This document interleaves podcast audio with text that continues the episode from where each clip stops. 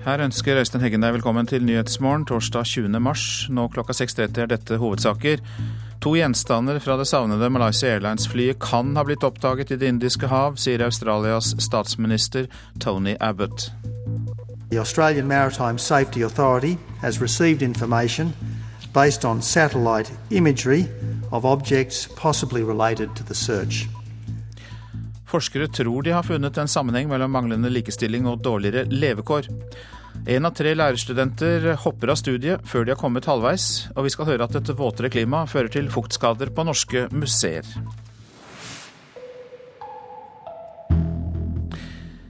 Ja, det er altså slik at Australias statsminister Tony Abbott eh, informerte nasjonalforsamlingen i dag om at to gjenstander som kan stamme fra det savnede flyet fra Malaysia Airlines, kan ha blitt oppdaget. Og eh, Asia-korrespondent Anders Magnus, eh, hva var de siste informasjonene Abbott kom med? Ja, Nå har de også hatt eh, pressekonferanse i redningstjenesten i Australia, i byen Perth, helt på vestkysten, som ligger nærmest dette søkeområdet.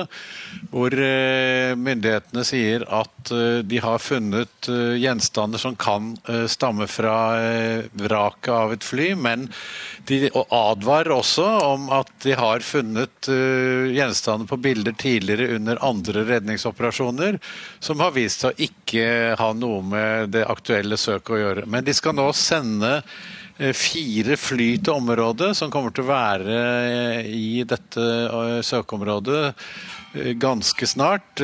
Og de, dette området, det som er, kan være en grunn til at det man kan være litt mer optimistisk denne gangen enn tidligere når man har funnet ting, er at det befinner seg eh, i det søkeområdet som ble avgrenset ut ifra de eh, signalene man har analysert eh, har kommet fra flyet på vei fra Malaysia. Så det er jo nok en forsiktig optimisme i blant redningsmannskapene, og også i Kuala Lumpur, hvor malaysiske myndigheter leder søket.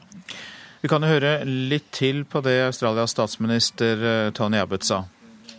The indication to me is of uh, objects that are a reasonable size um, and uh, probably awash um, with water bobbing up and down out of the surface. The, the largest uh, image that I've seen is assessed as being 24 metres.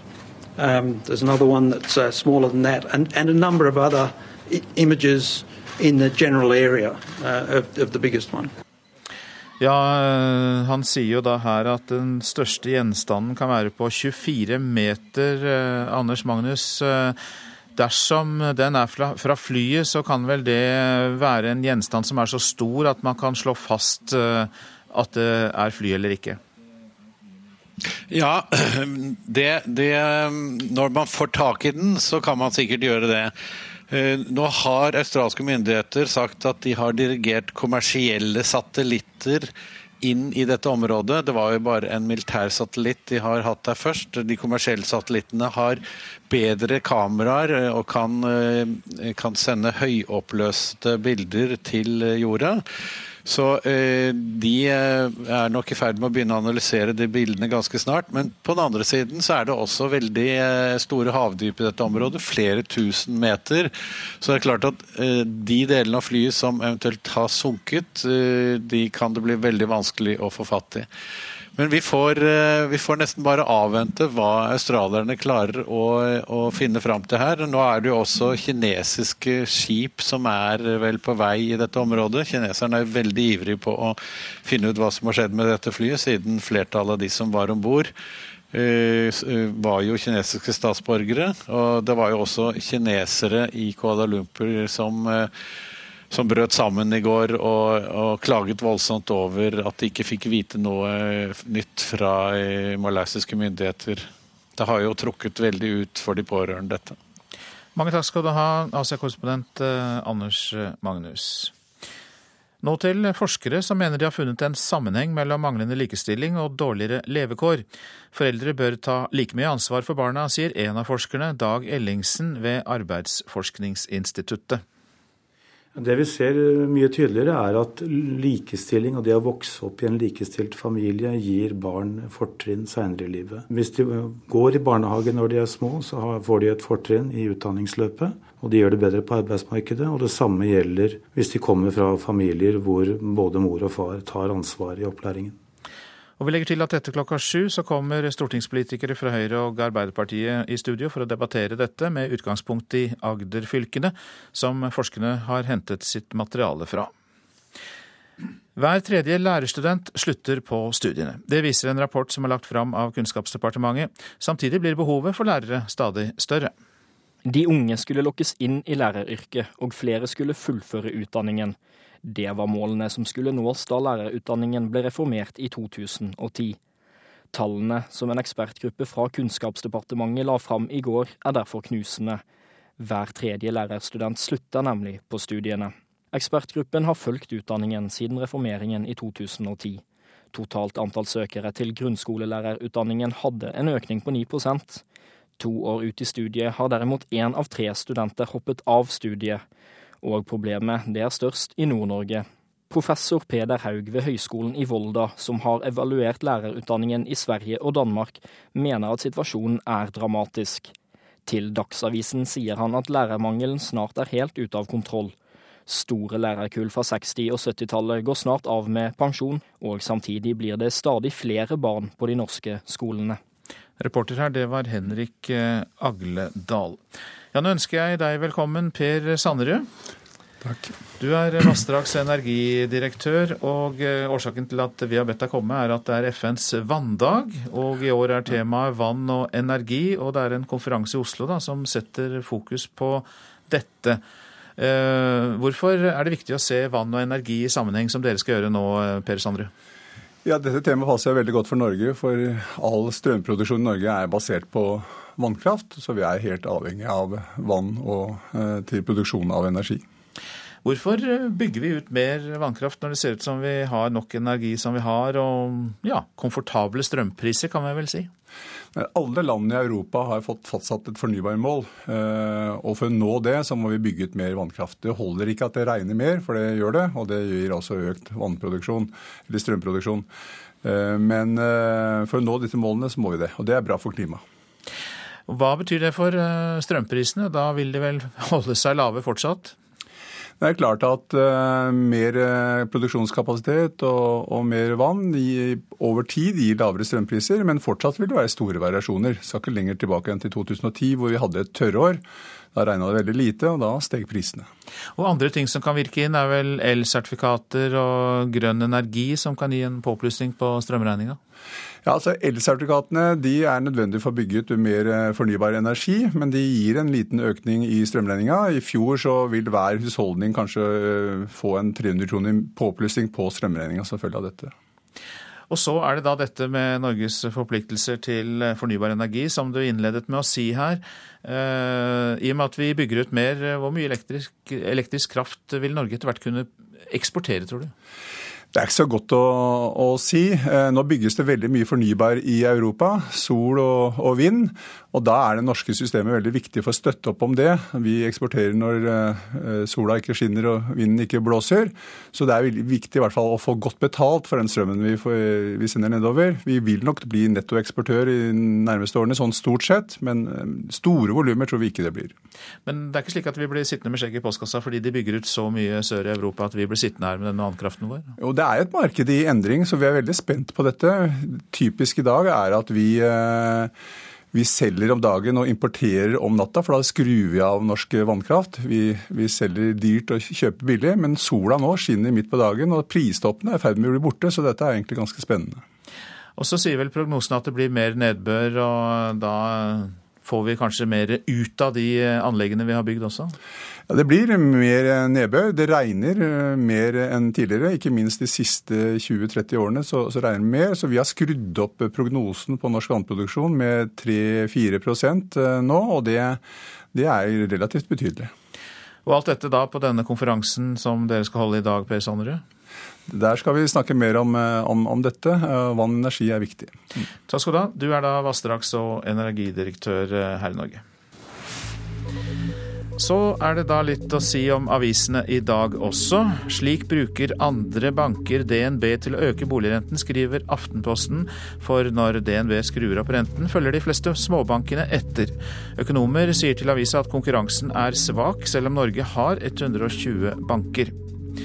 Skal du jobbe i den LO-eide tenketanken Agenda, må du være akademiker, skriver Klassekampen. Dermed vil ingen av dagens toppledere i fagbevegelsen være kvalifisert for jobb i Agenda. Helt høl i huet, sier bilmekaniker og leder av Industri og Energi, Leif Sande. Politiet i Hordaland svikter i kampen mot alvorlig økonomisk kriminalitet, mener førstestatsadvokat Eirik Stolt-Nilsen. Bergens Tidende gjengir en rapport som viser at flere saker har ligget i nesten fem år uten å bli ferdig etterforsket. Nå vil Økokrim hjelpe Hordalandspolitiet. Reitan-gruppen har aldri tjent mer, er oppslaget i Adresseavisen. Odd Reitan legger fram et årsregnskap som slår alle rekorder, med to milliarder kroner i pluss. Så til sønnen til Kjell Inge Røkke, som kunne ha tjent 180 millioner kroner på skipsverftet Aker Philadelphia i USA, skriver Dagens Næringsliv. Men Christian Monsen Røkke kjøpte ikke aksjer i selskapet han ledet. Det har økt 4000% i børsverdi, men 31-åringen sier han ikke er søvnløs over å ha gått glipp av en solid aksjegevinst. Tidligere redaktør i Oktober forlag Anne Geitanger gir ut en bok som hun sier er diktert til henne av Maria Magdalena. Til Vårt Land sier Geitanger at det som trolig vil vekke mest anstøt, er at den bibelske kvinnen beskriver et seksuelt forhold mellom seg selv og Jesus i denne boka. Det blir brukt hasj i alle miljøer i Kristiansand, sier kommunenes kriminalitetsforebyggere til Fedrelandsvennen i dag. Hasjbruken sprer seg til stadig nye miljøer, også blant de kristne, viser forskning. Og norske okser befrukter Europa, er gladnyheten i nasjonen. Avlsorganisasjonen Geno, som er eid av norske bønder, har hatt en kraftig vekst i salg av sæd fra storfe. I fjor økte salget med hele 27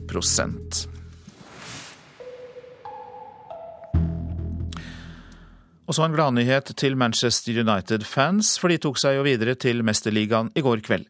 Med 3-0-seier over Olympiakos vant de 3-2 sammenlagt, og det letter presset på David Moyes, mener NRKs fotballekspert Carl Petter Løken. Ja, det letter selvfølgelig presset på Moyes og i og for seg på hele klubben også, for nå er det i hvert fall noe å spille for. Så uh, seieren uh, mot Olympiakos betyr så uendelig mye. Tre skåringer fra Robin van Persie sikret kvartfinaleplassen for United på Drømmenes teater. Karl Petter Løken tror ikke skåringene nødvendigvis reddet jobben til Moyes. Jeg tror ikke United ville ha gitt David Moyes fyken selv med om de skulle ha gått ut av Mesterligaen, men det kan hende at han sjøl ville ha syntes at presset utafor hadde blitt altfor stort, og supporterne, opinionen, media, alle ville ha snudd seg imot den. Og det er jo selvfølgelig mange som er imot den allerede, i og med at resultatene over tid har vært veldig gode under Ferguson. It's a big job. I've got a lot of things I need to. Det er en stor jobb, og jeg har fortsatt mye å endre her. Det kommer til å ta tid før det skjer, men spillerne ga supporterne noe å juble for, sa manager David Moyes etter gårsdagens seier. Det her kunne kanskje ha vært dråpen som hadde fått begeret til å flyte over for Moyes sjøl. Nå venter tøffere motstand i kvartfinalen. Møter de eksempelvis Bayern München, Barcelona, Real Madrid, så er de i mine øyne nesten sjanseløse. De er ikke på det nivået i år. Så det senest helga som var mot, mot Liverpool i, i Premier League. De var jo ikke i nærheten av nivået til Liverpool. Reporter, det var Patrick Steen Rolands. Klokka den er 6.44 om få sekunder. Dette er hovedsaker. To gjenstander som kan stamme fra det savnede flyet fra Malaysia Airlines, kan ha blitt oppdaget på satellittbilder fra Det indiske hav, sier Australias statsminister. Flyet er sendt ut for å granske området. Forskere mener de har funnet en sammenheng mellom manglende likestilling og dårlige levekår. Og vi skal høre at et våtere klima fører til fuktskader på norske museer.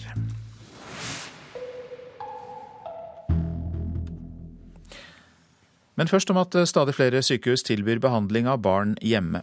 Det kan være det beste for barnet, sier enhetsleder ved Avansert hjemmesykehus i Oslo, Vigdvis Seiner. En eh, av de som takket ja til hjemmesykehus da sønnen fikk kreft, var Ellen Solvik-Olsen Espedal.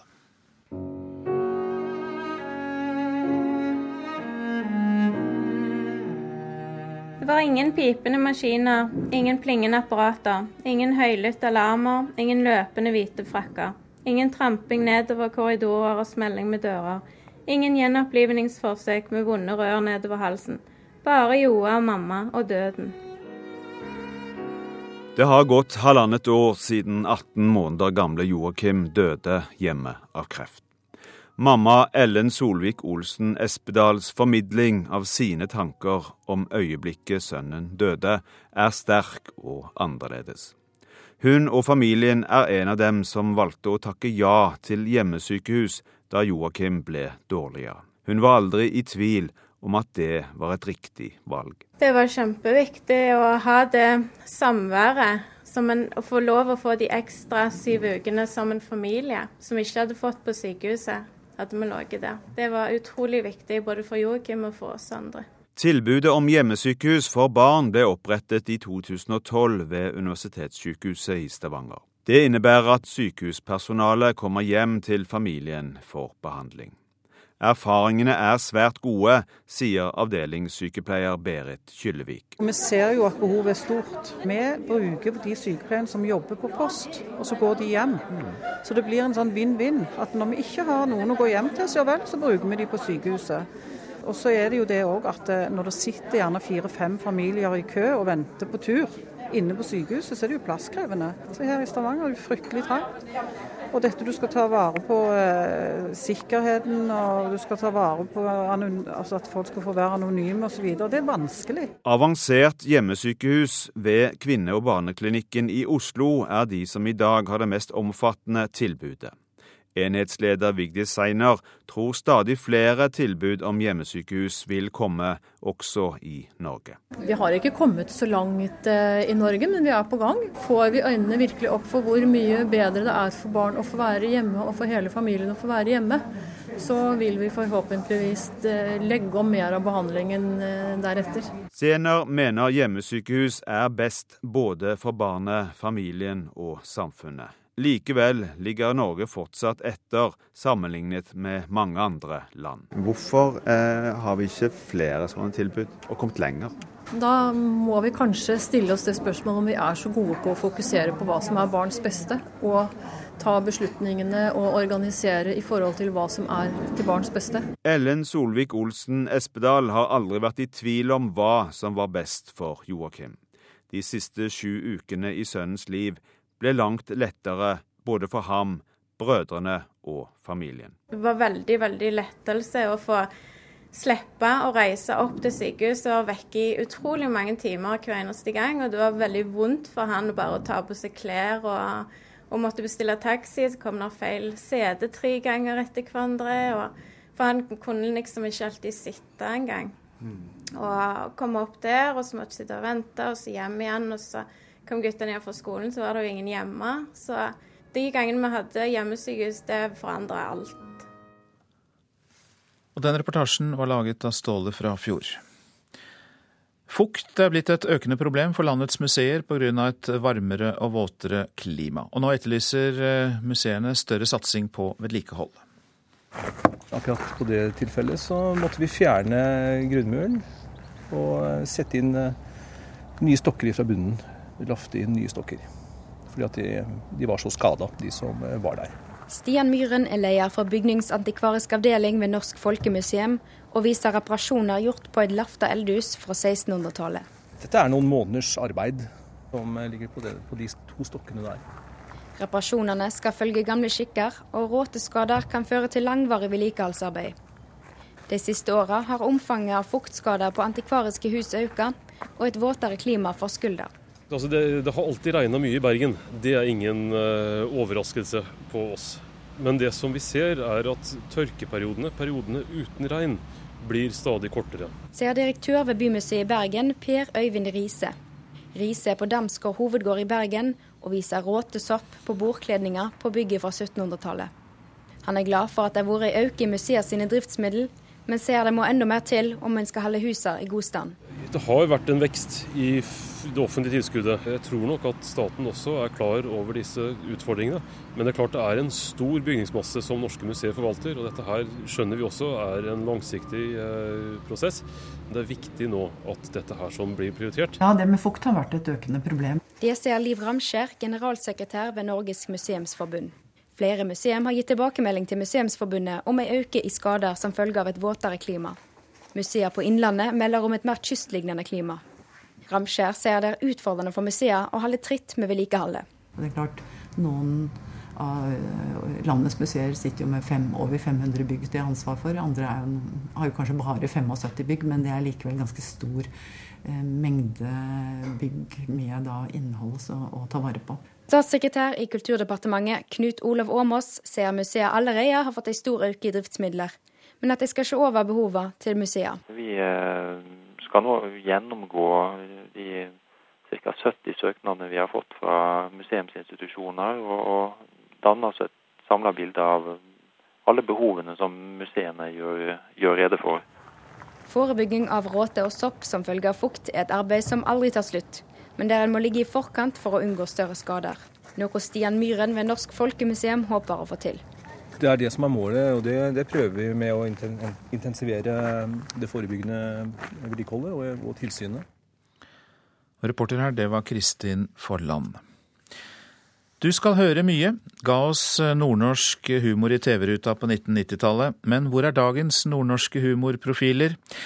Redningen kan være nær, for komikeren Trine Lise Olsen bak kurset Standup Nord forsøker å gjøre Tromsø til den store humorbyen igjen. Men med en bergenser som læremester. Du går i veldig svarte klær og har langt hår, så tenker de fleste rocker. Ikke gå opp på scenen og kjør en stil som en advokat. 15 muligens morsomme nordlendinger utstyrt med penn og papir.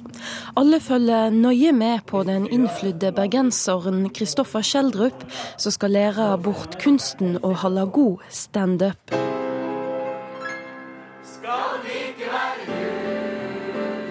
Latteren fra rorbua runga utover hele landet på 90-tallet. Oluf var kongen av nordnorsk humor. Men hvor ble det av den nordnorske komikken? Det er jo noen som finnes, men det er kanskje ikke så mange som vet om det uten og utenfor Nord-Norge, da. Komiker Trine Lise Olsen mener det er for få nordnorske standup-humorister, og da vil hun gjøre noe med. Når jeg starta Standup Nord, så var det liksom det som jeg hadde lyst til. Jeg hadde lyst til å avle opp flere komikere fra nord. Så vi klarer å på nytt ta tilbake Tromsø som eh, humorbyen. Det var rorbua på 90-tallet, og nå er det på tide med standup i 2014. Men tror du at det er fordi at en har hengt litt igjen i det der rorbua, de gylne tidene? jeg tror bare det ikke har vært tilgjengelig. Jeg tror Du må liksom til Oslo for å gå på kurs, du må til Oslo for å stå på scenen.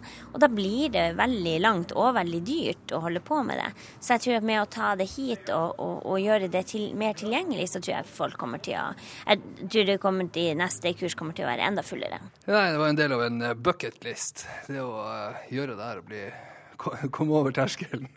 og to av de som kanskje har en drøm om å stå på scenen, da er Øyvind Vassbotn og Håvard Valseth. Det er jo spennende og noe nytt for meg. Det er litt skummelt? Ja, det, det, var det verste jeg kunne gjøre, og da var det det jeg måtte gjøre. Altså, trygt er å lære deg humor, i hvert fall. Men uh, standup er litt annerledes enn en rorbua.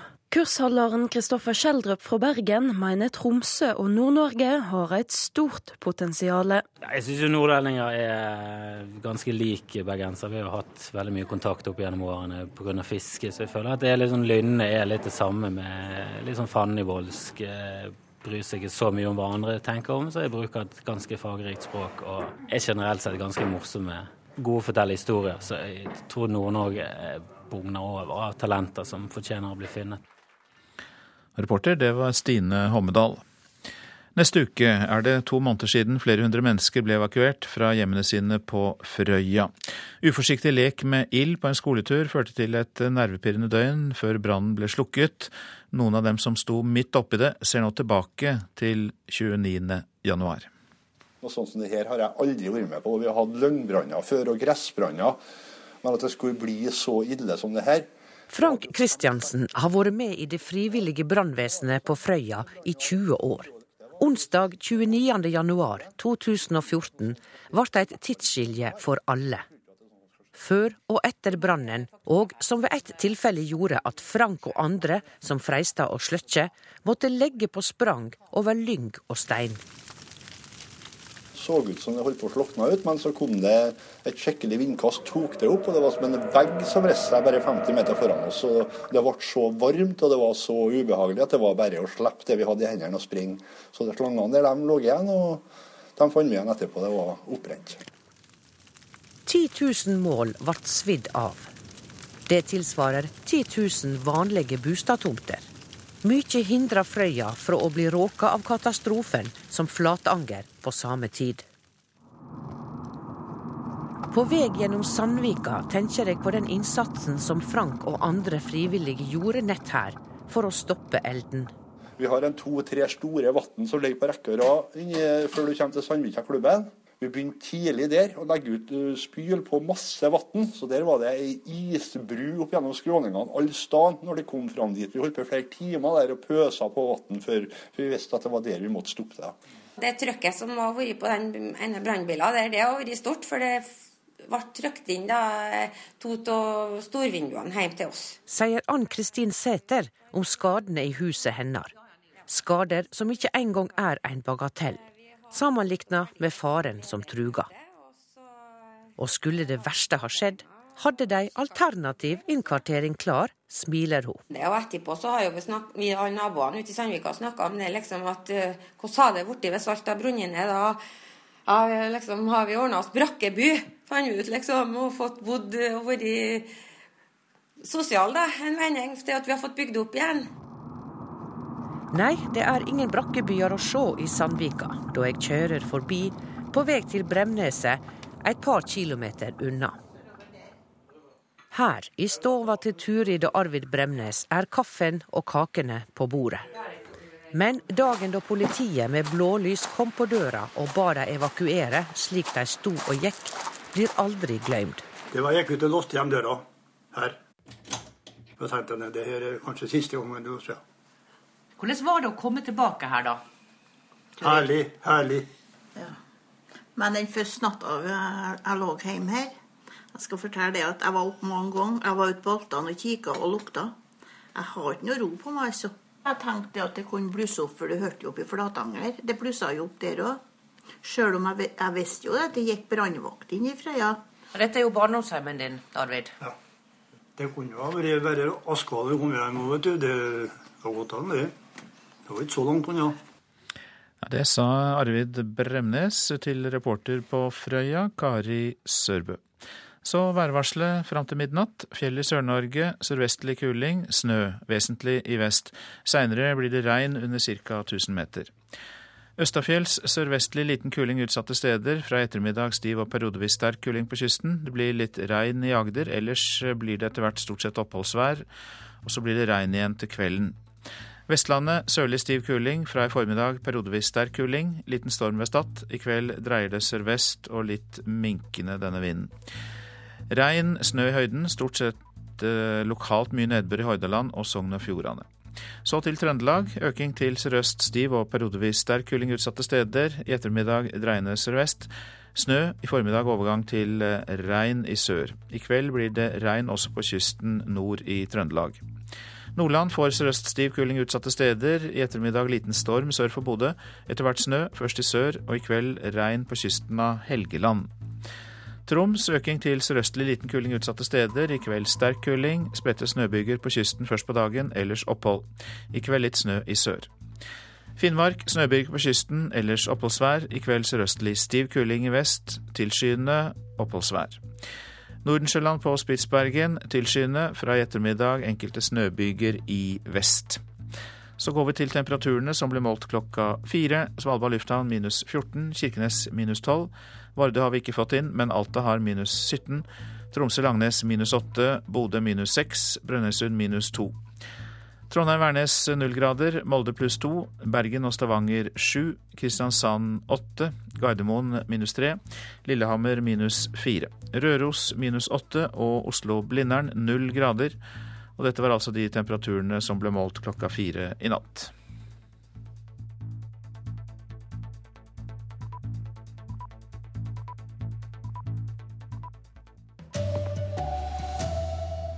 En satellitt har funnet to store gjenstander i Det indiske hav. Det kan være det savna malaysiske flyet.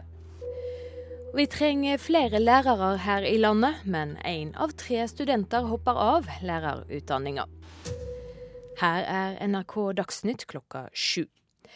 Australske fly og skip er nå på vei til et område sør i Det indiske hav for å undersøke det som kan være vrakrester fra det savna passasjerflyet.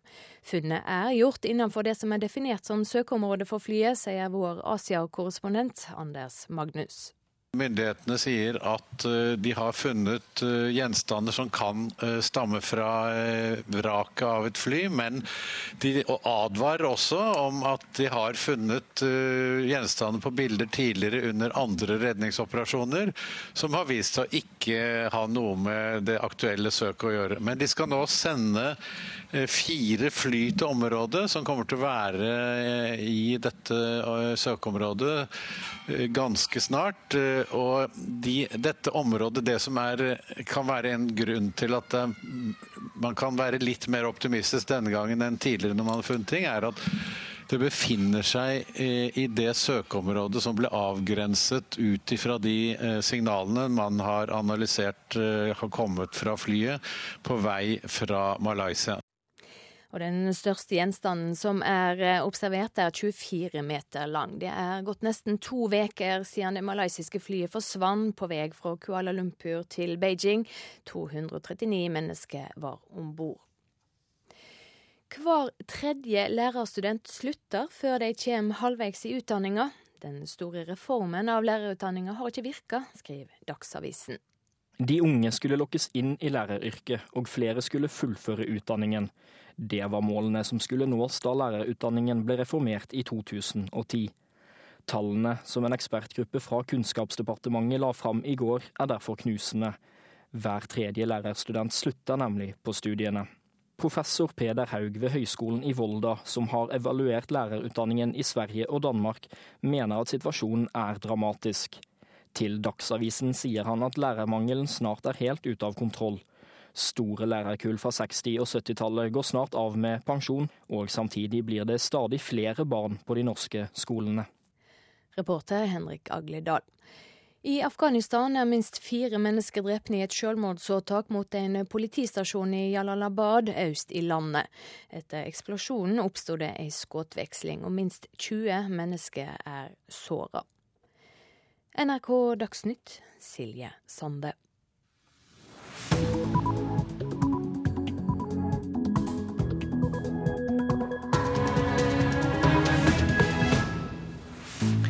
Og Nyhetsmorgen fortsetter med bl.a. Eh, disse sakene. Laber likestilling på Sørlandet kan føre til dårligere levekår der enn i andre landsdeler, hevder forskere. Vi tar debatt om det i Nyhetsmorgen. Ukrainske myndigheter planlegger å trekke sine soldater og deres familier ut av Krim, og nær 40 000 biler vrakes hvert år uten at fullt brukbare bildeler blir tatt vare på. Dårlig likestilling mellom kvinner og menn på Sørlandet kan føre til at barna deres dropper ut av skolen, blir kriminelle eller uføretrygdet. Ja, det er konklusjoner fra forskere som har studert Agder-fylkene. De mener at det er bedre for barna å bli sendt i barnehagen enn å gå hjemme med mor. Men eh, hjemmeværende tobarnsmor Jeanette Ramse fra Kristiansand er ikke enig i det.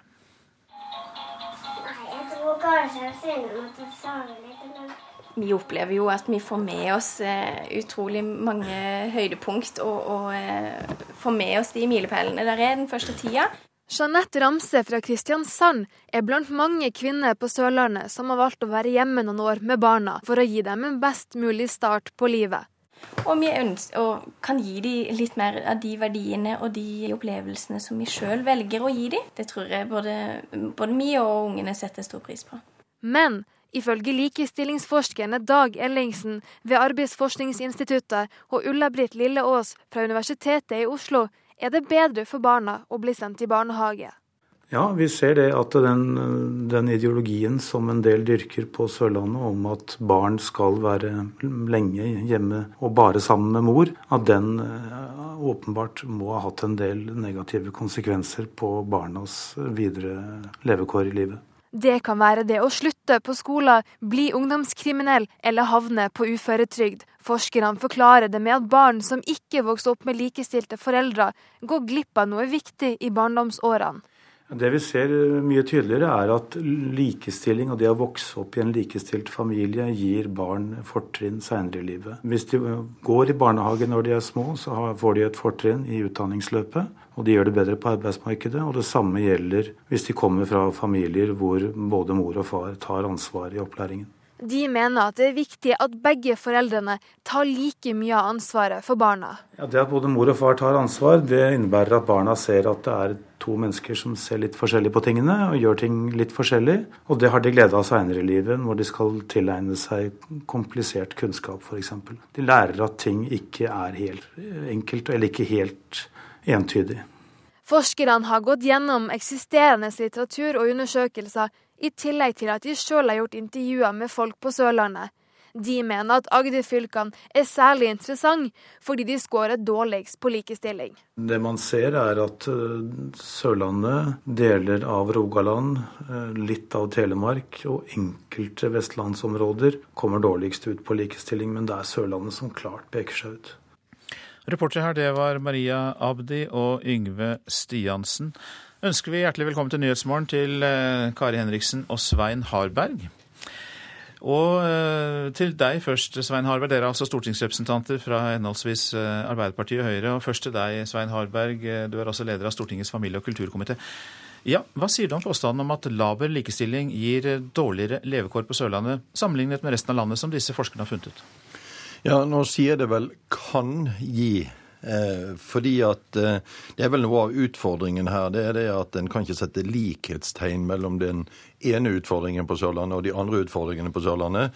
Men det er ingen tvil om at vi har en utfordring på likestilling som vi må ta på alvor. Det startet vi med på Sørlandet veldig aktivt for ca. ti år siden. Da var jeg faktisk med i det første likestillingsutvalget som landsdelen hadde. Og jeg skulle selvfølgelig ønske at vi hadde nådd enda lenger enn vi har gjort så langt. Men som sagt, eh, likhetstegnet mellom den eh, likestillingsproblematikken og de andre utfordringene vi har, er det nok eh, litt vanskeligere å følge med på. Ja, Så du tror ikke helt på disse tallene? Eller Nei, konklusjonene? Det, det er altså slik at jeg har bl.a. vokst opp og hatt i begynnelsen av min politiske karriere alle utfordringene omkring drabantbyene der det da var så mye kriminalitet fordi at begge foreldrene var i arbeid, var konklusjonen den gangen. Så det å trekke disse raskt over eh, er litt skummelt. Vi snur over til deg, Kari Henriksen fra Arbeiderpartiet. Ja, eh, dårligere levekår i Agder enn i resten av landet. Kan det ha sammenheng med dårligere likestilling? Jeg tror det kan det, og jeg tror det henger sammen. Og jeg tror at uh, noe av det som er utfordringen for uh, Sørlandet og de andre delene av uh, sørlige regionen, som ble nevnt i, i oppslaget her, er at det skaper en, en, tilflytting og en rekruttering av familier som, der folk som ønsker likestilling, faktisk ikke vil flytte til Sørlandet. Og det er et stort problem for de behovene Sørlandet står overfor. Og jeg mener også at det politisk Altså, vi er en konservativ landsdel. Det er Høyre og Fremskrittspartiet styrt veldig mange kommuner og har vært i mange, mange år. Og jeg tror den konservative holdningen om at vi har det greit som vi har det, er noe av det som er hovedutfordringen. Jeg tror at politikere må bli mye mer framoverlent. Og det er riktig som Svein sier, at det er kommet en del fokus på likestilling, og det er kommet mange planer. Vi setter ned mye utvalg. Men ute i kommunene skjer det fremdeles for lite, etter min mening. Vi har f.eks. Den regionen vi snakker om nå, er den regionen som altså har grunnskole som ikke har skole hver dag. Og hvilke moderne familier som er interessert i å kombinere barn og familie, ønsker å flytte til kommuner der de må ha eh, alternative skolegang holdt på å si, eller aktiviteter for barna sine. Så jeg tror at det er utrolig viktig at en setter dette på dagsorden ute i praksis. Og jeg må bare si en ting til. Da, dette, vi ser jo nå at den politikken som har vært rådende på Sørlandet, den blir nå nasjonalpolitikk. Nå kutter de pappapermen. De øker kontantstøtten, og de reduserer barnehageplasser. Da tar vi hele nasjonale bildet. Jeg tror vi holder oss til Agder i denne omgang, Harberg. Ja, jeg blir rett og slett ganske forundret over at Kari Henriksen nå omtaler den landsdelen som jeg bor i. Eh, fordi at vi har totalt forskjellig opplevelse av landsdelen. Eh, vi har slått fast at det er utfordringer på likestilling, og de skal vi gripe fatt i. Men det er altså en fantastisk landsdel å bo i. Det er stor tilflytning. Jeg har selv vært ordfører i en av vekstkommunene på Sørlandet. Det er et yrende næringsliv. Det er klynger her som er verdensledende på sine områder i teknologi, olje- og gassindustrien, prosessindustrien. Det skjer en rivende utvikling, og så omtales det her som om at de utfordringene vi har med likestilling, gjør at ikke de rette folkene flytter til Sørlandet. Men dette viser jo de ideologiske skillingene. Eh, altså, Vi mener jo det at folk utmerket godt er i stand til å gjøre gode valg for seg sjøl. Og Noen velger da å flytte til Sørlandet fordi at der er det noen livskvaliteter som de er opptatt av. Det har vi full respekt for. Og, og, enten det er fedrekvoten eller hva det måtte være, så, så, skal vi altså legge til rette for de gode valgene. Og når begge foreldre, uavhengig av kjønn, har mulighet til å gjøre de valgene, da har vi likestilling. Ja, men tror du, ikke, tror du ikke, på denne sammenhengen som blir påvist her, og som, eh, som, går på at eh, barn i eh, barnehage og barn som kommer fra likestilte hjem, har en bedre sjanse til å klare seg i samfunnet? Tror du, tror du, på det, eller tror du ikke? Ja, det tror jeg på, og derfor er det så viktig at vi setter inn ressursene på yrkesvalg, utdanningsvalg og de bitene som skaper disse mulighetene for framtiden. Det er å legge til rette for likestilling. Ja, det, det, er jeg enig med deg i. Og jeg er også enig med deg i det bildet du tegner av Sørlandet. Men det er ikke noen motsetning i det. det men det som er en, en, utfordring, det er at vi har nettopp vært på et sørlandsting, begge oss to. Og der var rekruttering til landsdelen, spesielt i offentlig sektor, et, en stor utfordring. Vi mangler altså på sikt 4000 nye folk som skal gi gode tjenester til innbyggerne. Hvis ikke vi får flere folk til å flytte til Sørlandet, så vil ikke innbyggerne i disse kommunene som bare har skoleverd, eller som ikke har full skole f.eks., de vil ikke få folk til å flytte der som kan gi ungene god utdanning, som kan gi de gamle omsorg. Det er en utfordring for landsdelen. Og den tilbakelente holdninga som at familiene skal velge sjøl, det denne politikken gjør, det er det at den skal gjøre sånn at folk som vil velge annerledes, de vil ikke flytte dit. Da er tiden omme, den tilmålte vi har i Nyhetsmorgen. Hjertelig takk for at dere kom, stortingsrepresentanten eh, Svein Harberg fra Høyre og Kari Henriksen fra eh, Arbeiderpartiet. Hjertelig takk. Jeg går videre til flere fylkesledere NRK har vært i kontakt med, som peker på at Jonas Gahr Støre som ny leder eh, i Arbeiderpartiet. Tirsdag så ble det da kjent at eh, Arbeiderpartileder Jens Stoltenberg kan bli ny toppleder i Nato. Og I tilfelle må Arbeiderpartiet da se seg om etter en ny leder. Og Da går vi da til eh, fylkesleder i Nord-Trøndelag, Robert Svarva, som har en klar favoritt. Min personlige mening er at eh, den desidert beste kandidaten til å kunne bekle en sånn både partilederrolle og i neste omgang en, en statsmannsrolle, det er Jonas Gahr Støre. Han får følge av fylkesleder i Møre og Romsdal, Per Vidar Kjølmoen. Sånn som jeg ser det nå, så er det, er det Jonas Gahr Støre som i så fall er den helt klare kandidaten. Kjølmoen er en av dem som rent politisk heller mer mot Giske, men likevel løfter han frem Støre. Personlig så er han jo litt sånn, synes jeg han er litt sånn politisk spennende, men jeg tror ikke han er i en posisjon til å kunne utfordre Jonas nå. Og jeg oppfatter heller ikke at det kjøres noen kampanje for Trond i partiet. Men hvorfor Støre? Nei, Det er den appellen han har som, som menneske, og samarbeidsegenskapene hans som jeg tror vil gjøre at Arbeiderpartiet vil ha en fortsatt bred appell. Da, eh, og holde litt på den Stoltenberg-effekten som vi har hatt med Jens som, som toppkandidat. Og av de fylkeslederne NRK har vært i kontakt med som vil nevne navn på en eventuell ny leder, er det mannen som har vært utenriksminister, helseminister og nå finanspolitisk talsmann, som går igjen og Svarva mener ikke Giske kan måle seg med Støre. Hvis det er snakk om statsmannsemner og statsmannsegenskaper, så syns jeg at en eh, Jonas Gahr Støre har gjort en utrolig god figur og har stor tillit i det brede lag i befolkninga til å bekle viktige statsmannsroller. Det kan nok en Trond Giske gjøre, men jeg mener fremdeles at en Jonas Gahr Støre er egentlig en divisjon for seg sjøl. Det er en helt uaktuell problemstilling her vi står nå. Det spekuleres i noe rundt Jens Stoltenberg. Han er Arbeiderpartiets leder, og jeg vil ikke spekulere om noe av det som ligger bortenfor det. Det sa hovedpersonen sjøl til NRK i går. Hvis Jens Stoltenberg går til Nato, vil Arbeiderpartiet sannsynligvis avholde et ekstraordinært landsmøte, fordi neste ordinære landsmøte først er om ett år.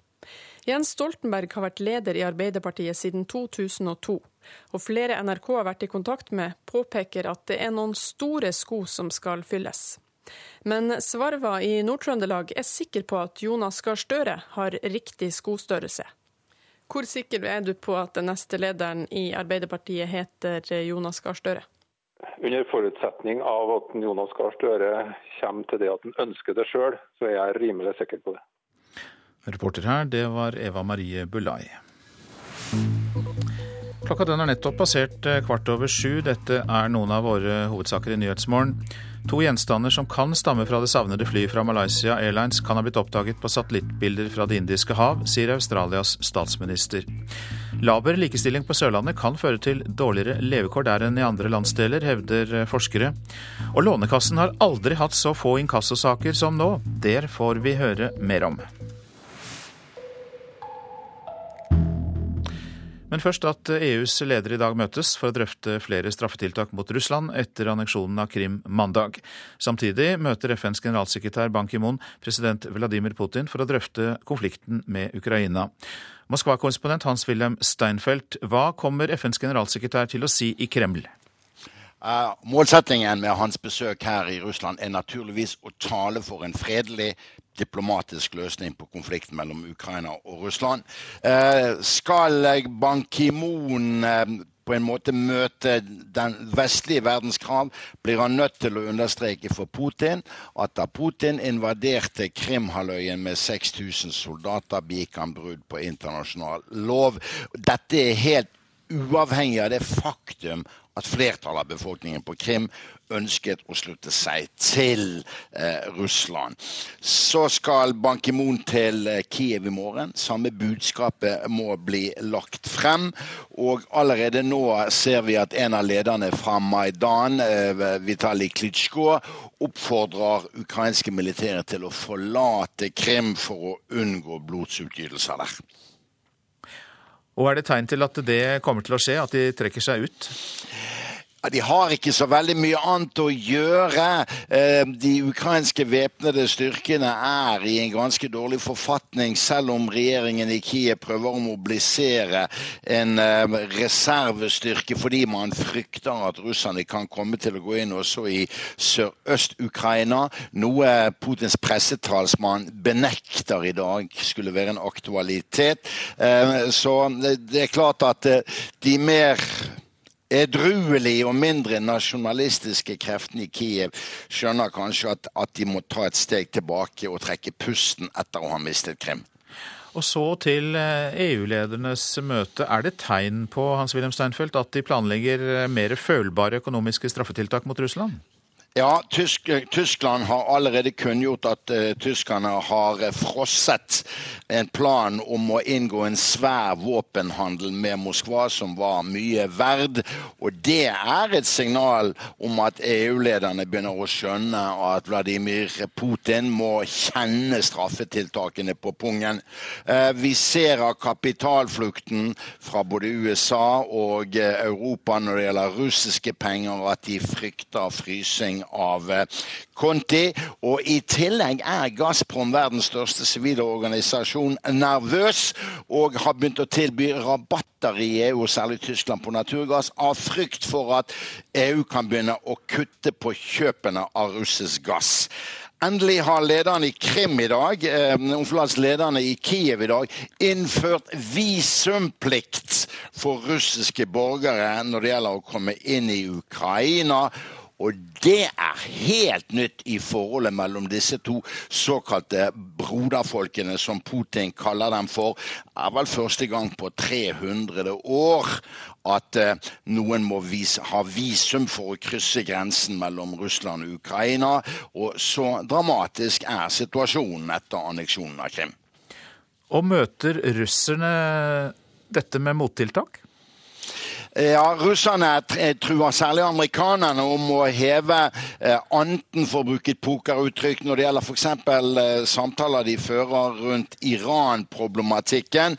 Og eh, viseutenriksminister Ryabov sier at det er nettopp på om politiske områder som betyr noe for USA, at Russland kommer til å bli steilere eh, når det gjelder å samarbeide med amerikanerne i andre konfliktområder, eh, dersom også USA gjør gjør alvor av antydninger om at det kan komme flere og mer alvorlige straffetiltak.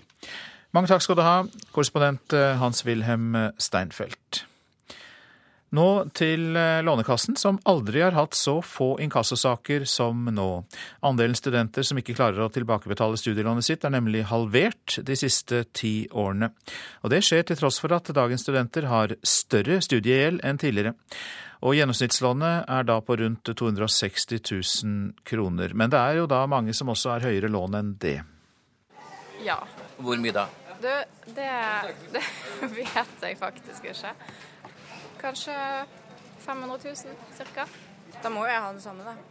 På BI i Oslo sitter Lisa og Helene, to jenter med hvert sitt store studielån. Men alt tyder på at de klarer å gjøre opp for seg, de som skylder Lånekassen penger har aldri vært flinkere til å nedbetale studielånet enn de er i dag. Bare 4,7% eller rundt 28 000 av Lånekassens kunder havnet i inkassokøen i fjor. For ti år siden var tallet 8% Dette viser at utdannelse lønner seg, sier direktør i Lånekassen, Marianne Andreassen. Tar man utdanning, så får man jobb og inntekt som gjør at man blir i stand til å betjene eh, lånene sine. Jeg måtte be om utsettelse et par ganger, men det var jo ikke noe problem. Nei, verken utsettelse eller rentefritak er et problem. Vi gjør hva vi kan for å hjelpe hvis kundene får problemer med betalingen. Dette har også ført til at vi har fått færre inkassokunder, sier Andreassen. Eh, I tillegg så får vi nå en ordning fremover eh, fra neste studieår eh, med månedlig betaling istedenfor kvartalsvis. og Det mener vi også skal bidra til at vi ytterligere får en positiv utvikling med nedgang i saker som går til inkasso. Med en rekordlav rente som god drahjelp tar vi opp studielån som aldri før. Gjennomsnittslån i dag er på rundt 260 000 kroner. Og det er ikke slik at det er de med de største lånene som sliter mest med betalingen, sier Andreassen. Dette er da eh, eh mye elever som går på videregående nivå, eh, som har enten har lav utdanning eller avbrutt utdanning. Så det illustrerer egentlig hvor viktig det er å ta tak i eh, de tingene som går på og eh, at, at, man faktisk fullfører en utdanning. Det første jeg tenker er jo bare at jeg må skaffe meg en jobb. Og så får jeg ta det som det kommer. Men eh, man må jo uansett se på boforhold og sånn, da. Hvis man ikke har eh, råd til å betale studielånet, så må man jo endre på andre ting. Jeg må jo alltid betale studielån, det vet jeg jo. Det er alltid det jeg prioriterer. Og denne reportasjen var laget av Hans Jørgen Solli. Så var det avisene og forsidene. Slik bruker andre banker DNB til å øke boligrenten, skriver Aftenposten. For når DNB skrur opp renten, følger de fleste småbankene etter. Økonomer sier til avisa at konkurransen er svak, selv om Norge har 120 banker. Skal du jobbe i den LO-eide tankesmien Agenda, må du være akademiker, skriver Klassekampen. Dermed ville ingen av dagens toppledere i fagbevegelsen vært kvalifisert for jobb i Agenda. Helt høl i huet, sier bilmekaniker og leder av Industri Energi, Leif Sande. Politiet i Hordaland svikter i kampen mot alvorlig økonomisk kriminalitet, mener første statsadvokat Eirik Stolt-Nielsen. Bergens Tidende gjengir en rapport som viser at flere saker har ligget i nesten fem år uten å bli ferdig etterforsket. Nå vil Økokrim hjelpe Hordalandspolitiet. En av tre lærerstudenter hopper av, skriver Dagsavisen. Det skulle bli flere lærere, men i går kom rapporten som viser at hver tredje student i lærerutdanningen, for grunnskolen altså, forlater studiet før de har kommet halvveis. Reitan-gruppen har aldri tjent mer, er oppslaget i Adresseavisen. Odd Reitan legger fram et årsregnskap som slår alle rekorder med to milliarder kroner i pluss. Sønnen til Kjell Inge Røkke kunne ha tjent 108 millioner kroner på skipsverftet Aker Philadelphia i USA, skriver Dagens Næringsliv. Men Christian Monsen Røkke kjøpte ikke aksjer i selskapet han ledet. Det har økt 4000 eh, i børsverdi, men 31-åringen sier han ikke er søvnløs over å ha gått glipp av en solid aksjegevinst. Det blir brukt hasj i alle miljøer i Kristiansand, sier kommunens kriminalitetsforebyggere til Fedrelandsvennen. Hasjbruk sprer seg til stadig nye miljøer, også blant de kristne, viser forskning. Tidligere redaktør i Oktober forlag Anne Geitanger gir ut en bok som hun sier er diktert til henne av Maria Magdalena.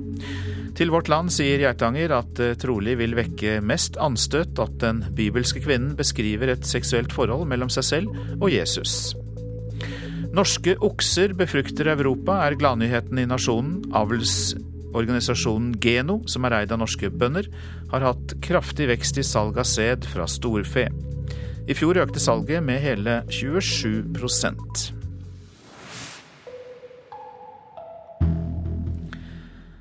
Nær 40 000 biler vrakes hvert år uten at fullt brukbare bildeler blir tatt vare på.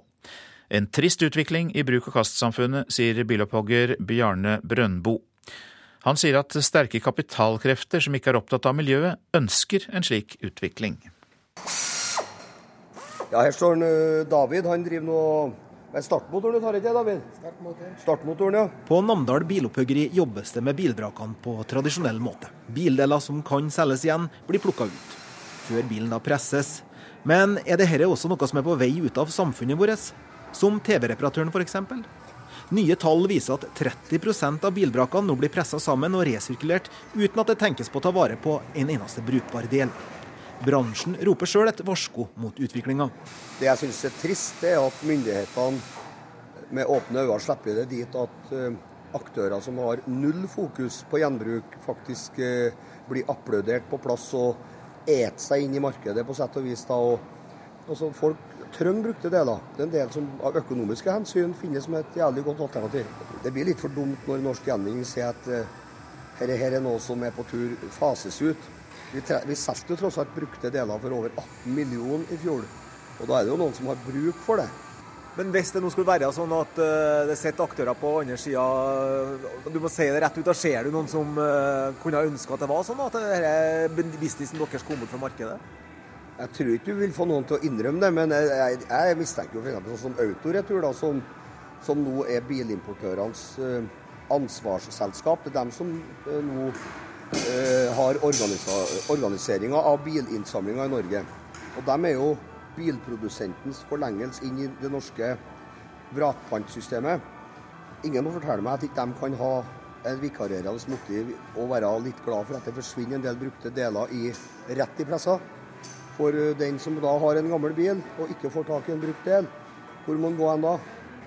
Hos Norsk Gjenvinning er kommentaren kort og godt at konsernet prioriterer industrialiserte løsninger for gjenvinning av metall, da de erfarer at dette er mer effektiv, lønnsom og bærekraftig på lang sikt. Hos Autoretur har direktør Erik Andresen følgende tilbakemelding å gi Brøndbo. Det er bare tull. Eh, det er ingen i den etablerte eh, bilbransjen som har noe i horn i siden på biloppsamlernes delevirksomhet å gjøre overhodet. Jeg har aldri vært borti det. Jeg har jobbet med, med, med, med biler i, i, 30 år, og det er, det er, bare, en, det er bare tull. Eh, da må han komme opp med noe konkret som viser det, så skal vi kommentere på det. Men altså det at eh, 30 av eh, bilene nå vrakes uten at det plukkes da deler av dem, eh, og at dere er med på å si ja til en sånn ordning, er ikke en eh, påstand inni det? Det å drive som bilavsamler rundt omkring i Norge, det er en frivillig sak som er basert på forretningsmessige vilkår. At noen av bilavsamlerne ikke ønsker å drive med brukte deler, det vil jo være opp til hver enkelt aktør å gjøre, og har ingenting med bilprodusentene å gjøre overhodet. Her er det over 50 000 brukte deler. Så jeg tror at uh, er nok framtida. Selv om økonomien i landet vårt er så god nå at vi kan bruke og kaste og bruke og kaste, og sånn, så kan det jo komme annen tid. Så de som sier at det ikke er framtidsretta, de, de ser med noen andre briller? Jeg tror de har litt for blå skjorter og litt for stramme slips. De må ha litt for lite blod som kommer opp til hodet. Altså, de, må, de må kunne tenke to tanker. Altså, det som vi selger som delebruk her igjen, det havner til slutt i gjenvinning. Det blir til stål, det òg, til slutt. Men da er det utslett i. Det sa bilopphogger og DDE-vokalist Bjarne Brøndbo i denne reportasjen som var laget av Kjartan Trane. Du lytter til eh, Nyhetsmorgen. I reportasjen etter Dagsnytt kan du høre at et forsøk på brobygging mellom Cuba og USA nå skjer ved hjelp av forfatteren Ernest Hemingway.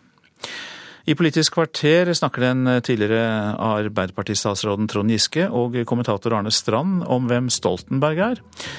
Og det gjør de selvfølgelig fordi han er aktuell som Nato-sjef. Produsent for Nyhetsmorgen det er Eli Bieland. Her i studio Øystein Heggen. Og eh, som jeg bruker å gjøre omtrent på denne tida, så minner jeg om nettstedet radio.nrk.no, som er veldig fint å bruke for å høre alle NRKs radiokanaler.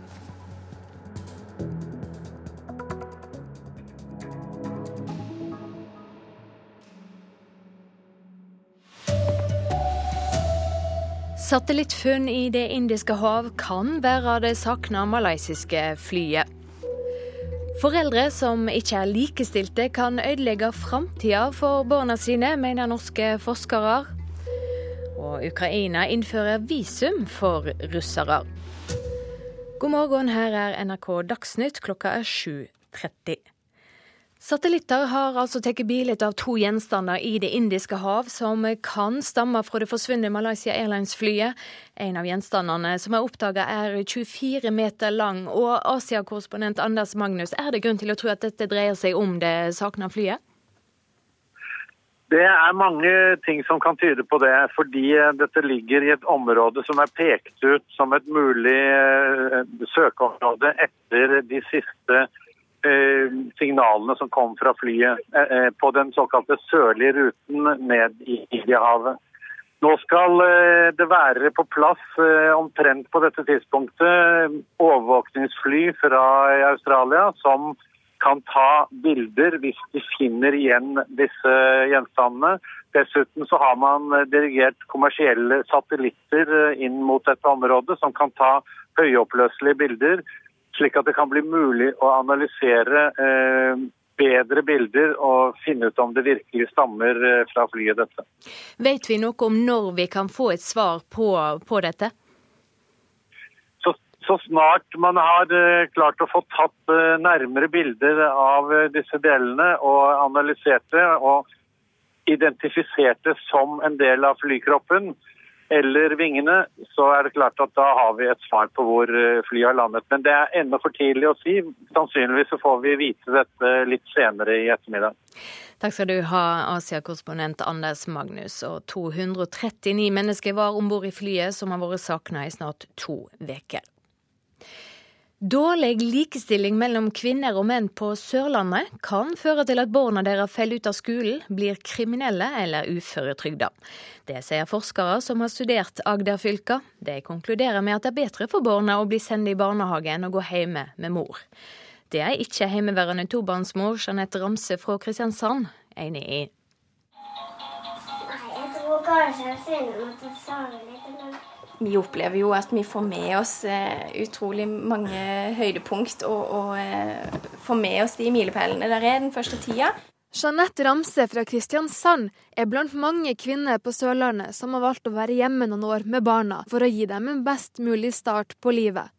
Og vi ønsker, og kan gi dem litt mer av de verdiene og de opplevelsene som vi sjøl velger å gi dem. Det tror jeg både, både vi og ungene setter stor pris på.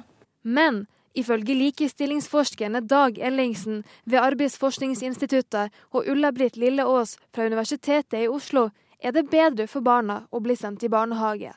Ja, vi ser det at den, den, ideologien som en del dyrker på Sørlandet om at barn skal være lenge hjemme og bare sammen med mor, at den eh, åpenbart må ha hatt en del negative konsekvenser på barnas videre levekår i livet. Det kan være det å slutte på skolen, bli ungdomskriminell eller havne på uføretrygd. Forskerne forklarer det med at barn som ikke vokser opp med likestilte foreldre, går glipp av noe viktig i barndomsårene. Det vi ser mye tydeligere, er at likestilling og det å vokse opp i en likestilt familie gir barn fortrinn senere i livet. Hvis de går i barnehage når de er små, så får de et fortrinn i utdanningsløpet og de gjør det bedre på arbeidsmarkedet. Og det samme gjelder hvis de kommer fra familier hvor både mor og far tar ansvar i opplæringen. Reporter her Marie Abdli og Yngve Stiansen. Og den konservative tankegangen på Sørlandet er et problem for landsdelen. Det mener Kari Henriksen, stortingsrepresentant fra Arbeiderpartiet. Hvis ikke vi får flere folk til å flytte til Sørlandet, så vil ikke innbyggerne i disse kommunene som bare har skole eller som ikke har full skole f.eks., de vil ikke få folk til å flytte der som kan gi ungene god utdanning, som kan gi de gamle omsorg. Det er en utfordring for landsdelen. Og den tilbakelente holdninga som at familiene skal velge sjøl, det denne politikken gjør, det er det at den skal gjøre sånn at folk som vil velge annerledes, de vil ikke flytte dit. EU skal i dag diskutere nye straffetiltak mot Russland etter annekteringa av Krimhalvøya. Ukraina har nå innført visumplikt for eh, russere, forteller vår eh, korrespondent Hans-Wilhelm Steinfeld. Endelig har lederen i Kiev i dag innført visumplikt for russiske borgere når det gjelder å komme inn i Ukraina. Og det er helt nytt i forholdet mellom disse to såkalte broderfolkene, som Putin kaller dem for. Det er vel første gang på 300 år at eh, noen må vise, ha visum for å krysse grensen mellom Russland og Ukraina. Og så dramatisk er situasjonen etter anneksjonen av Krim.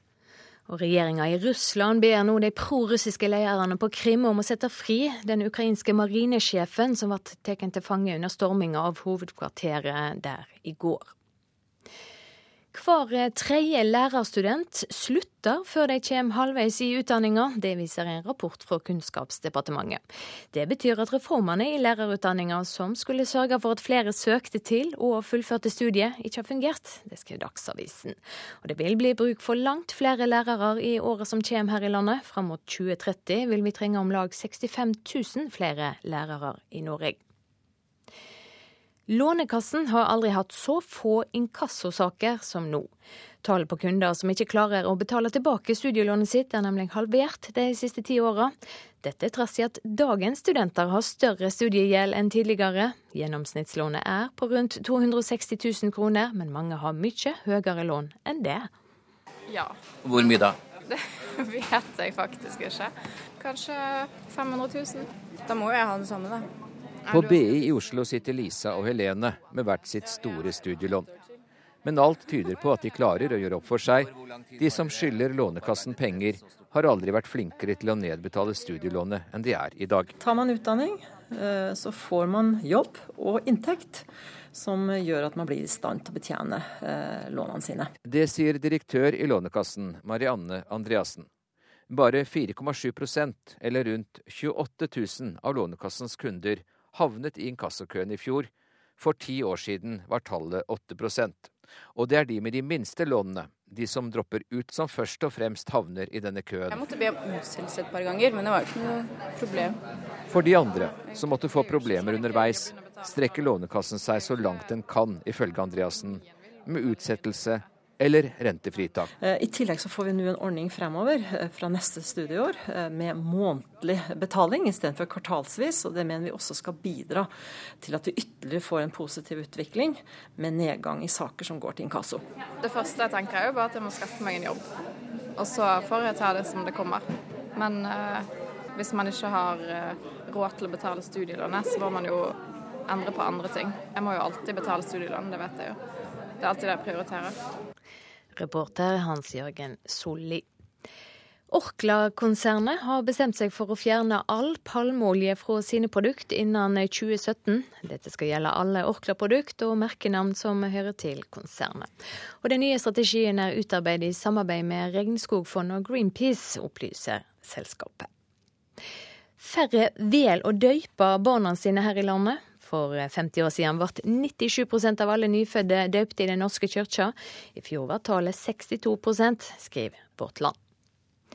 Så sport. Ole Gunnar Solskjær kommer ikke til å få sparken som manager om Cardiff rykker ned. Det sier kilder nært klubben til NRK. En av de journalistene som følger Cardiff tettest, er Terry Phillips. Også han mener Solskjær er freda. People will give him time. Cardiff vil gi han tid. Du kan ikke skylde alt på Ole Gunnar Solskjær. Det sier journalist i Wales Online, Terry Phillips. Han følger klubben tettere enn de fleste, og har selv fått forsikringer fra Cardiffs styreformann Mehmet Dalman om Solskjærs framtid. Uh, about this, and, and he says they are right behind Ole Gunnar Solskjaer, no matter how this season turns out. Mehmet Dalman sier at de står bak Solskjær uansett hva som skjer denne sesongen. De ønsker selvfølgelig å holde seg i Premier League og bli skuffet hvis de rykker ned. Men det er ikke Solskjærs feil ene og alene. De vil stå ved han og få sjansen til å ta de opp igjen hvis Cardiff skulle rykke ned. Solskjær fredes i Cardiff, men blir han ved nedrykk? Jeg spurte han om det, og han sa at han blir uansett. Han tar med seg familien hit, og han er her for det lange løp, sier Phillips. Reporter Patrick Steen Rolands. Ansvarlig for eh, Dagsnytt i dag, Sven Gullvåg. Teknisk ansvarlig, Lars Tronsmoen. Her i studio, Silje Sande.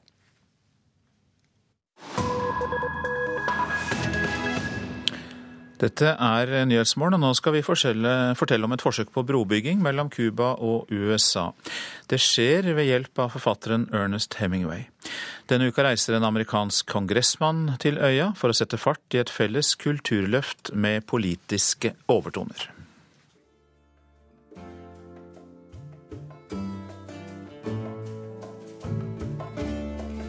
Ei gruppe amerikanske reisende har kommet til et hus på ei høgde ved Havanna.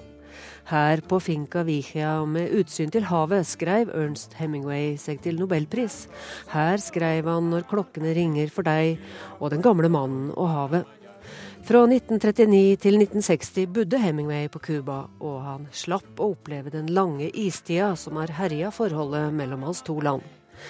Det er over 50 år siden Hemingway døde, og fremdeles er det iskaldt og anstrengt mellom USA og Cuba. Men nå får forfatteren ei rolle post mortem.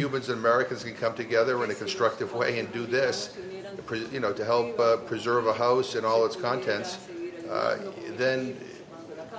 there's no limit to what we can do if we work together. So, I, you know, I, Hemingway it, it has brought us together over the years. I hope he brings us together again, and I hope our Mannen som snakker og tror på ei konstruktiv kulturbygging mellom USA og Cuba, er den amerikanske kongressmannen James McGovern, medlem av Det demokratiske partiet i Massachusetts. Han står der ved det gamle skrivebordet til Ernst Hemingway, havet og Havanna utenfor vinduet. På veggene henger det utstoppa jakttrofé, og på stuebordet står det halvfulle flasker med sprit, slik de etter sigende blei etterlatne for mer enn 50 år siden. Det er fint å ha praktiske oppgaver å samarbeide om når en skal bygge bru med politiske overtoner.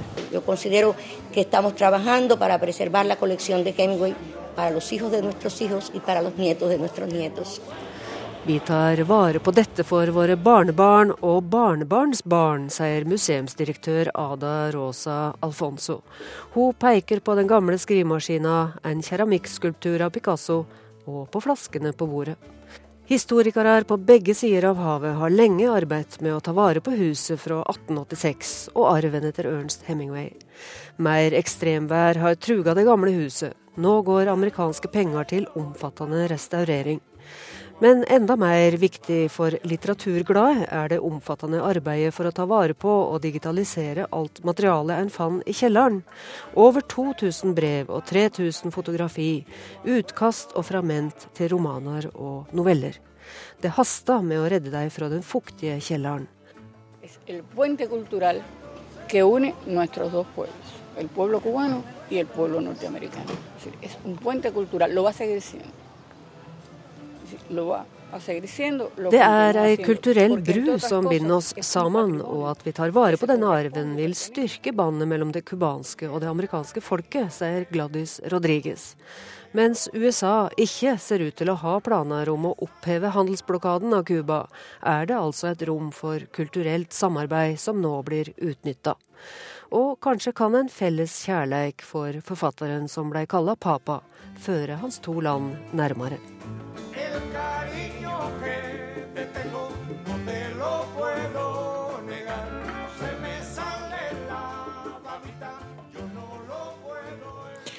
Og denne reportasjen var laget av Sigrun Slapgard.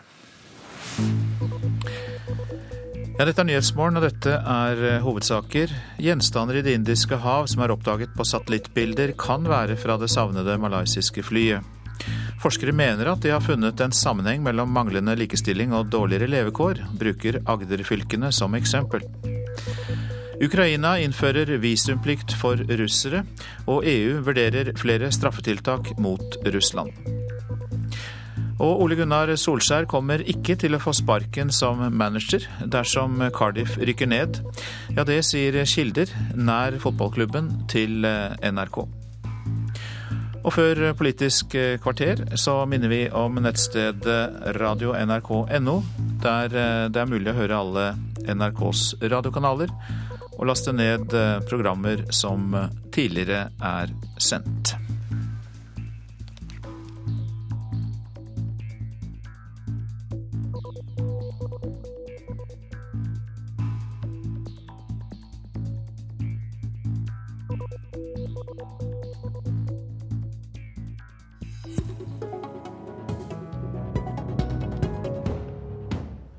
Ingen katastrofe om Stoltenberg forsvinner. Partiet klarte seg også da Gerhardsen gikk av, sier Arne Strand. Sammen med Trond Giske vurderer han Stoltenbergs betydning for Arbeiderpartiet. Dette er Politisk kvarter i NRK1 og NRK P2, der vi også skal høre at trønderne vil slåss for Ola Borten Moe. I dag kommer innstillingen fra Senterpartiets valgkomité. Her i studio Per Arne Bjerke. Stortingsrepresentant eh, Trond Giske, du er den eneste som har sittet stat som statsråd i alle Stoltenbergs regjeringer. Hvordan er han egentlig som sjef? Eh, for det første må vi si at det er litt tidlig å skrive kanskje Stoltenbergs politiske nekrolog. Eh, mange av oss håper jo at vi har den lenge i norsk politikk, hvis han da ikke får dette Nato-vervet. Men eh, som regjeringssjef og som partileder så kjennetegnes jo Jens først og fremst ved at han er eh, veldig resultatorientert, og han er utrolig flink til å finne kompromisser og samle. Eh, det var ikke han som tok initiativet til et rød-grønt samarbeid, men jeg tror at uten han så hadde det ikke vært et eh, så godt fungerende rød-grønt samarbeid så mange år.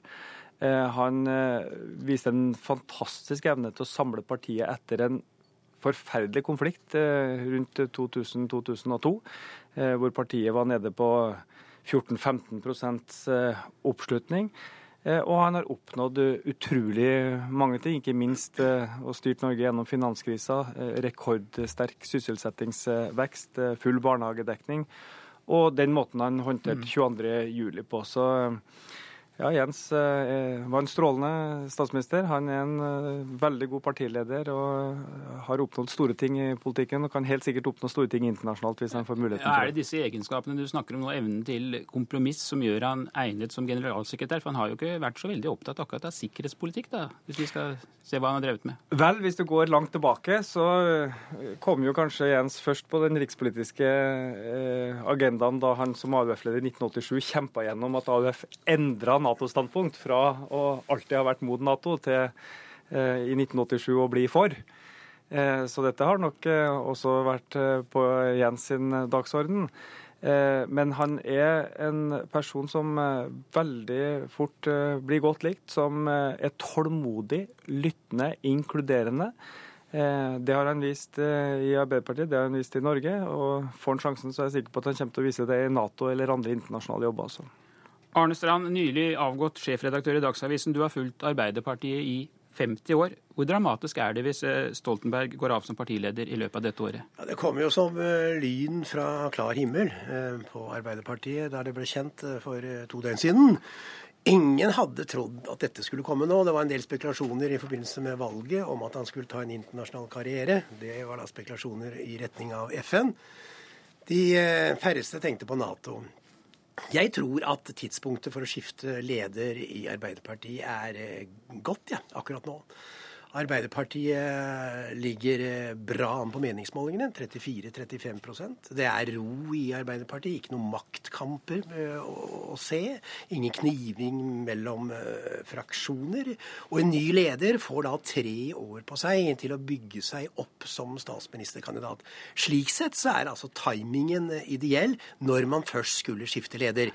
Men det var vel de aller færreste som trodde at Jens Stoltenberg skulle trekke seg, fordi han selv så kraftig har signalisert at han trives i Norge, og han trives som leder av Arbeiderpartiet. Ja, han trives også i Stortinget, har han sagt til oss iallfall mange, mange ganger. Men når Nato spør, når den amerikanske presidenten og den tyske forbundskansleren ber deg om å ta et toppverv i Nato, så kan du rett og slett ikke si nei. Og Hvis dette blir noe av, da, så er jo spørsmålet med en gang hvem skal lede Arbeiderpartiet? Blir det Jonas Gahr Støre, eller blir det han som sitter ved siden av deg? Ja, Han som sitter ved siden av meg, er selvfølgelig en uh, kandidat til å bli ny leder i Arbeiderpartiet. Trond har vært med veldig lenge. Er den mest rutinerte i Arbeiderpartiet i dag ved siden av Jens Stoltenberg. Sittet, som du sa, også i alle Stoltenbergs regjeringer. Men i øyeblikket hvis du spør folk, så vil de fleste tippe at det blir Jonas Gahr Støre, som nå har blitt finanspolitisk hovedtalsmann for, uh, for Arbeiderpartiet i, i Stortinget. Jeg tror ikke på noen maktkamp, men eh, hvis det skulle bli, bli, det, så er jeg ikke helt sikker på utfallet, fordi Trond står sterkt i viktige deler av Arbeiderpartiet, ikke minst i fagbevegelsen. Men som sagt, maktkamp tror jeg ikke på. Og akkurat i øyeblikket så tror jeg ville sette pengene mine på at det blir Jonas. Giske, du sa til meg i går kveld at du ikke vil engasjere deg i spekulasjoner om eh, Stoltenbergs etterfølger, men vi kan vel enes om at det er flere kandidater enn Støre? Eh, for det første så skal vi nå la den sittende lederen eh, gå av før vi begynner den debatten. Vi får ta en ting i gangen. Det er vel ikke helt walkover på dette Nato-vervet heller. Men det som kjennetegner Arbeiderpartiet for øyeblikket, er jo det som Arne Strand sier, altså at vi er fantastisk samla. Hvis du går tilbake 60-tallets Vietnam, 70-tallets sikkerhetspolitikk, 80-tallets miljøkamp og 90-tallets EU-strid. altså Det har vært strid hele tida. Tar du de siste lederskiftene, jeg har vært eh, veldig tett på de to siste.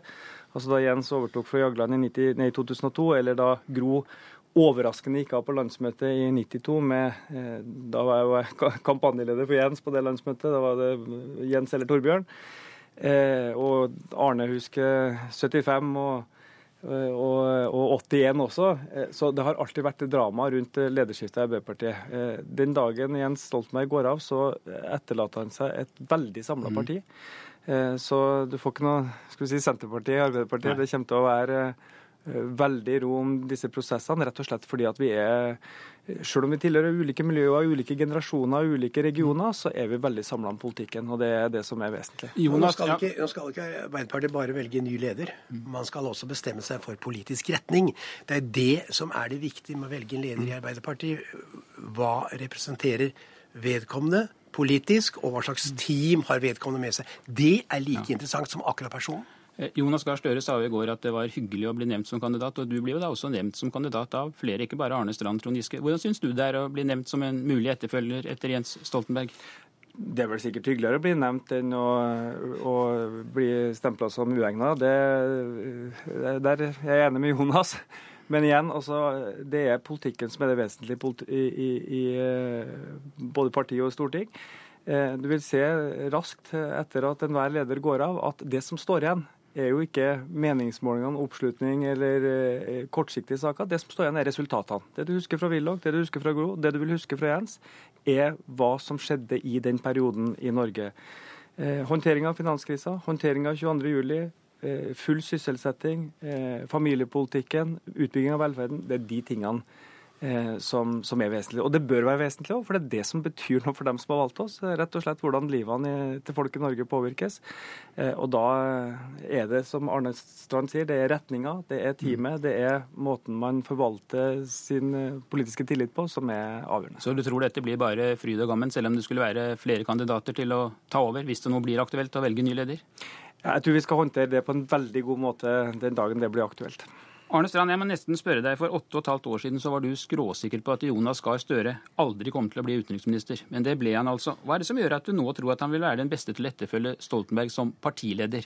La meg si at Jeg var ikke skråsikker på at han ikke ville bli utenriksminister. Jeg tippet han som helseminister. Jeg trodde den gangen at Bjørn Tore Godal ville bli utenriksminister. Nå ble altså Jonas til slutt da helseminister, men, men noen år etterpå. Nei, Hva som gjør han til en eh, god leder av Arbeiderpartiet, det er jo derfor mannen er jo meget dyktig. Han er svært intelligent. Han, eh, han, er ikke noe sånn solid forankret i Arbeiderpartiet, i spesielle miljøer. Tvert om så er det vel de som mener at han er litt sånn uortodoks i, i den uh, sammenhengen. Men uh, det han har vært med på, det han har gjort til nå, er jo, er jo vært veldig, veldig bra. Han er en utmerket taler. Han tenner forsamlinger. Det har jeg jo selv vært med på å, å, oppleve. Så sånn sett så er han skreddersydd for rollen som en leder i eh, Arbeiderpartiet. Men det politiske vil til slutt, tror jeg, avgjøre dette. Er Jonas Gahr Støre den rette personen politisk til å lede Arbeiderpartiet de neste ti årene? Det må valgkomiteen som skal bestemme mm. dette, finne ut av. Og i samtalen de har med Jonas og med Trond og sikkert andre også, så vil det bli klart. Jeg tror at valgkomiteen kommer fram til en enstemmig innstilling jeg, om eh, den nye mm. leder i Arbeiderpartiet. Fordi, som Trond også riktig sier her, det er ikke noen maktkamper, noen fraksjonsstrider i Arbeiderpartiet i dag. Eh, Giske til slutt. Eh, Stoltenberg har vært partileder i snart tolv år. Han har vært statsminister i nesten ti år. Kan det faktisk være slik at eh, partiet kunne ha godt av litt fornyelse nå? Jeg tror vi hadde gjort det veldig bra med Jens Stoltenberg som kandidat i 2017, og det viser vel målingene også. Og selv om han har sittet lenge, så eh, ble han jo både leder og statsminister eh, veldig ung. Så eh, han kan være lenge i norsk politikk. Så hvis ikke det Nato-vervet går inn, så skal vi nok bruke Jens Stoltenberg sin restarbeidsevne veldig godt i Arbeiderpartiet i mange år framover. Så Jens vil gjøre det godt ute, men han vil gjøre det også veldig godt her hjemme hvis han fortsetter der. Takk skal dere ha, Trond Giske og Arne Strand.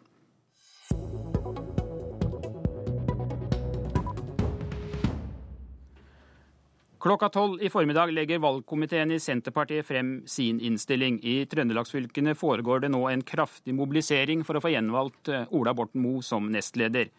Samtidig er det andre deler av partiet som mener at Borten Moe må bort. Leder i Sør-Trøndelag Senterparti, Jarle Martin Gundersen, hvorfor er det så viktig å få gjenvalgt Ola Borten Moe som nestleder? Av den enkle grunn at eh, Senterpartiet ikke har råd til å miste eh, Ola Borten Moe i ledelsen i partiet vårt. Hva vil dere gjøre hvis Borten Moe ikke blir valgt? Da, altså, som det høres ut som, eh, vi får jo ikke vite det før klokka tolv i dag, så høres det ut som at det blir delt innstilling. Og da kommer vi til å jobbe for uh, Olas kandidatur på landsmøtet, og at det blir kampvotering. Er denne intense kampen rundt Borten Moe en personkamp, eller er det en kamp om politisk retning, veivalg i Senterpartiet? Ja, jeg, jeg, føler at det er litt begge deler. Uh, uh, at det kan være et politisk veivalg mange av oss vil ha et bredt Senterparti, eh, og noen vil ha det litt snevrere. Vi som jobber for å få Ola Borten Moe inn som videre som første nestleder, vi vil ha det brede og gode Senterpartiet. Vi får eh, gjøre oppmerksom på at hovedpersonen selv, Ola Borten Moe, han sitter på et fly på vei til Tromsø og kunne ikke være med nå i, nå i morges. Men du får eh, tale hans sak, fylkesleder Gundersen. Hvordan skal det bli mulig å få ro i partiet hvis Borten Moe blir valgt så omstridt som han er? Altså, det er med respekt for det, det, flertallet som kommer til å være på landsmøtet den 7. april, så, så håper jeg at endelig at alle medlemmene i partiet da etter det nye sentralstyret på plass kommer til ene og alene å jobbe for partiet, om Ola er med eller ikke. Ja, Føler du deg sikker på det? For nå virker jo frontene veldig, veldig steile. Alle som er glad i Senterpartiet, vil jeg tro kommer til å jobbe for det, ja.